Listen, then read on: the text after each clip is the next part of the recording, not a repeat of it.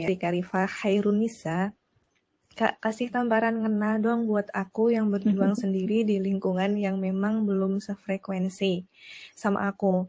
Kayak misalnya puasa sunnahnya sendirian terus, sedangkan teman yang lain belum melakukan itu. Kadang sampai pengen nangis, nggak kuat godaan makanan. Berat banget menurutku yang masih awal-awal lakuin puasa sunnah. Ya Allah, Kak Rifa Karunisa. Tamparan ngena. ya Allah ya. 10 nasihat uh, Hasan Albana udah dapat belum tamparan ngenaknya karena menurut aku juga pas aku baca ulang gitu kan nasihat itu uh, bener-bener nampar aku gitu karena memang waktu kita terbatas dan kewajiban kita itu lebih banyak daripada waktu luang kita terus juga kita tidak usah memperdebatkan suatu hal kita tidak usah berkata yang tidak baik. Terus kalau di sini kan ceritanya tentang merasa berjuang sendiri kan? Karena lingkungannya belum sefrekuensi. Puasa sunnah sendirian gitu. Bahkan nggak sama godaan ya kembali ke hal yang tadi ya sama kayak Mbak Intan gitu. Saat kita mau melakukan suatu hal terus ada yang uh, menggoda gitu entah dari wujud setan yang goib ataupun setan yang berbentuk manusia. Gitu kan ya kalau di Al-Quran kan seperti itu. Ada cerita yang berbentuk manusia gitu manusia yang bikin kita down buat ngejalanin uh, agama kita ya. Nah, masya Allah ya puasa sunnah, puasa sunnah uh, di saat orang-orang lain nggak puasa, ya itu tentunya memang menjadi godaan gitu kan. Siang-siang kita lagi puasa sunnah malah teman-teman kita ngajakin jajan bakso, aduh kan itu rasanya ngiler banget gitu kan. Siang-siang diajakin beli es campur. Aduh beli, beli es jus buah. Aduh itu udah wow gitu kan. Siang-siang terus diajakin uh, ke kolam renang. Aduh kan rasanya gimana gitu. Aku pengen punya temen tapi kok temenku gini semua ya akhirnya nangis gitu. Ya itu juga salah satu apa ya ciri perempuan gitu ya. Kesenggol dikit nangis gitu kan. Masya Allah ya. Tapi ya itulah ekspresi gitu. Ekspresi kita gitu kan sebagai perempuan untuk meluapkan perasaan kita. Karena memang ada beda antara laki-laki dan perempuan. Misalnya laki-laki memang dia cenderung untuk uh, logika gitu kan berpikir secara logika. Sedangkan perempuan itu lebih peka perasaannya. Makanya nggak boleh perempuan kesenggol dikit akhirnya keenak hati moodnya down gitu kan. Apalagi pas lagi PMS gitu. Maka moodnya itu akan lebih swing lagi gitu. Akan lebih berubah-ubah gitu moodnya. Nah jadi kalau saran kali ya saran dari aku ya memang harus dihadapi yang namanya sebuah ujian untuk kita menaiki sebuah tangga yang lebih tinggi. Kita mau ke mana-mana itu ada ujiannya ya. Atau mau lulus SMA ada ujiannya. Mau kuliah ada ujian skripsi. Mau S2 ada tesis. Nah, semuanya ada ujian gitu. Itu dunia. Apalagi untuk akhirat. Yang balasannya itu surga. Yang surga itu luasnya luas langit dan bumi dan di tempat itu kita bisa surga gitu. Kita bisa uh, minta apa pun yang kita mau gitu. Bahkan mungkin kita nggak mau tapi Allah udah ngasih sebanyak itu akhirnya kita udah bingung. Nggak bisa minta apa pun lagi gitu loh masya Allah. Saking masya Allahnya surga.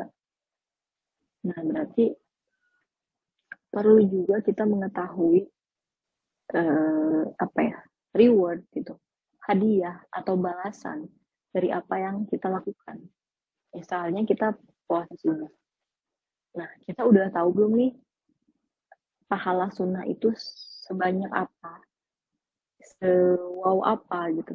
Kita harus mempertahankan puasa sunnah kita kayak gitu. Ibarat kita mau pengen beasiswa ke luar negeri. Kita kan harus punya alasan mendasar, alasan yang besar kita untuk bisa mempertahankan gitu kan nilai-nilai kita di SMA gitu. Sebuah supaya di atas rata-rata di atas KKM biar kita bisa goal nih mencapai tujuan kita yaitu uh, beasiswa Monbuka Gakusho bukan di Jepang Jepang. Atau Turki Bursary gitu kan Turki dan lain sebagainya. Ya itu kan ada alasan mendasar kan coba kita lihat orang-orang di luar sana yang mereka punya uh, mereka bisa mencapai targetnya. Misalnya ke tadi beasiswa.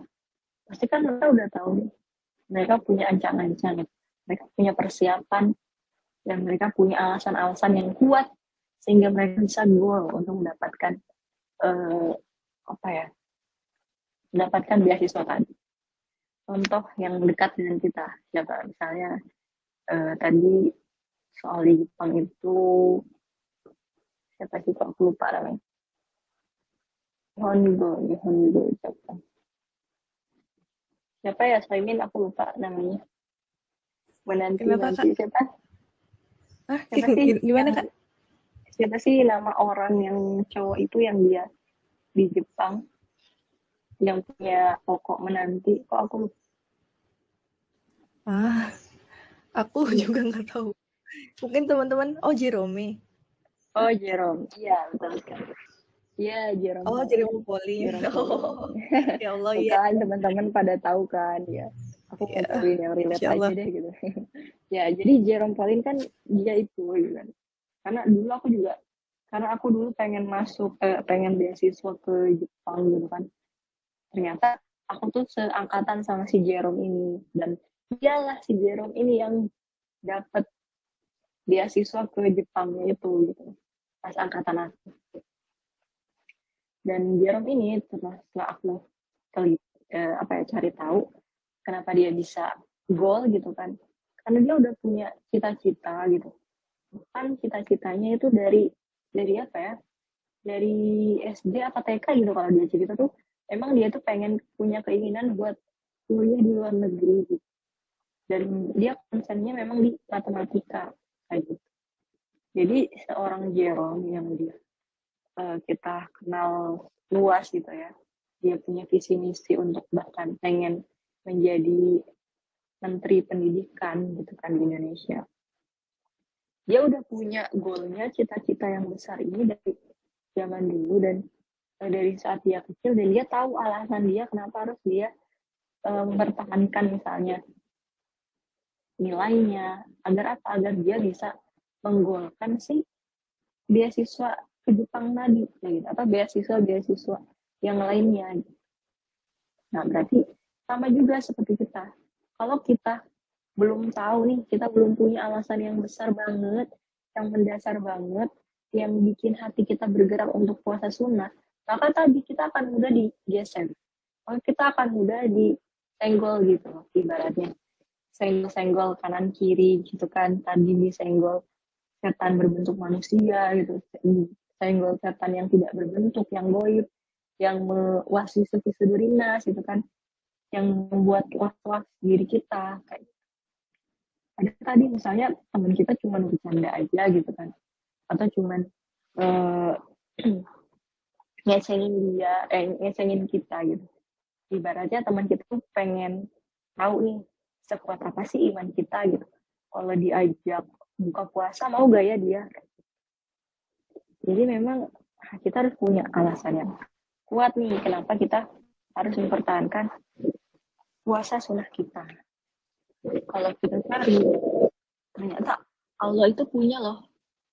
Punya eh, ada nanti di surga itu pintu bagi orang-orang yang khusus sering berpuasa ada juga pintu orang-orang yang sering bersedekah. Nah, kalau aku cari ternyata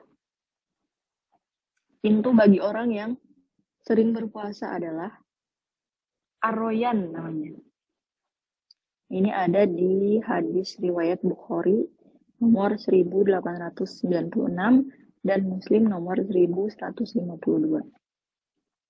Dari Sahal bin Sa'ad dari Nabi Shallallahu Alaihi Wasallam beliau bersabda, sesungguhnya di surga ada suatu pintu yang disebut Arroyan. Orang-orang yang berpuasa akan masuk melalui pintu tersebut pada hari kiamat. Selain orang yang berpuasa, tidak akan memasukinya. Masya Allah, berarti pintu Arroyan ini khusus bagi orang-orang yang sering berpuasa. Bukan hanya mungkin entah ya ini puasa sunnah, puasa wajib aja atau puasa sunnah. Kalau puasa wajib ya jelas itu kan, gimana dia mau masuk surga kalau nggak puasa wajib ya. Jadi kan ini termasuk yang sering puasa sunnah kayak gitu. Selain orang yang berpuasa tidak akan masukinya itu kan. Kalau orang yang nggak puasa ya nggak bisa masuk pintu ke situ, Arroyan. Nanti orang yang berpuasa akan diseru. Mana orang yang berpuasa? Kata pintunya. Gitu. Lantas mereka pun berdiri, orang-orang ini gitu kan yang rajin puasa. Dan selain mereka tidak akan mematinya. Terus orang-orang yang enggak pernah puasa nih, puasa wajib puasa sunnah, mereka enggak berdiri gitu. Jika orang yang berpuasa telah memasukinya, maka maka akan tertutup dan setelah itu tidak ada lagi yang memasukinya. Masya Allah ya. Jadi seperti itu Mbak Rifa. Kalau Mbak Rifa bisa mempertahankan puasa sunnah, bisa rajin, Insya Allah berarti Mbak Rifa bisa masuk ke pintu Aroyan yang di mana di situ hanya khusus bagi orang-orang yang rajin puasa. Ya kan orang-orang yang nggak rajin puasa tidak bisa memasuki pintu itu. Kalau udah nih dari zaman dulu sampai zaman hari kiamat nanti udah nggak ada lagi orang yang rajin puasa, pintunya akan ditutup. Jadi masya Allah tetap semangat juga nih Mbak Rifa buat rajin puasa karena kita harus ke, punya alaman, uh, amalan ya, punya amalan-amalan yang apa ya amalan-amalan yang kita banggakan gitu, yang kita dawamkan, yang kita terus-terus lakukan, meskipun sedikit gitu kan. Tapi kalau diteruskan maka itu Allah suka. Misalnya sholat duha, puasa sunnah, Allah suka banget gitu kan. Bagi orang-orang yang terus mendawamkan Semangat ya Mbak Rifa. Semoga itu menjadi tamparan. Udah kena belum ya? Semoga dapat dari pintu Aroyan. Amin, amin. Masya Allah, jasakillah khair Kak Shebi tamparannya. Itu juga jadi tamparan buat aku sih. buat kita semua pastinya ya. Teman-teman yang lain juga tetap semangat ya.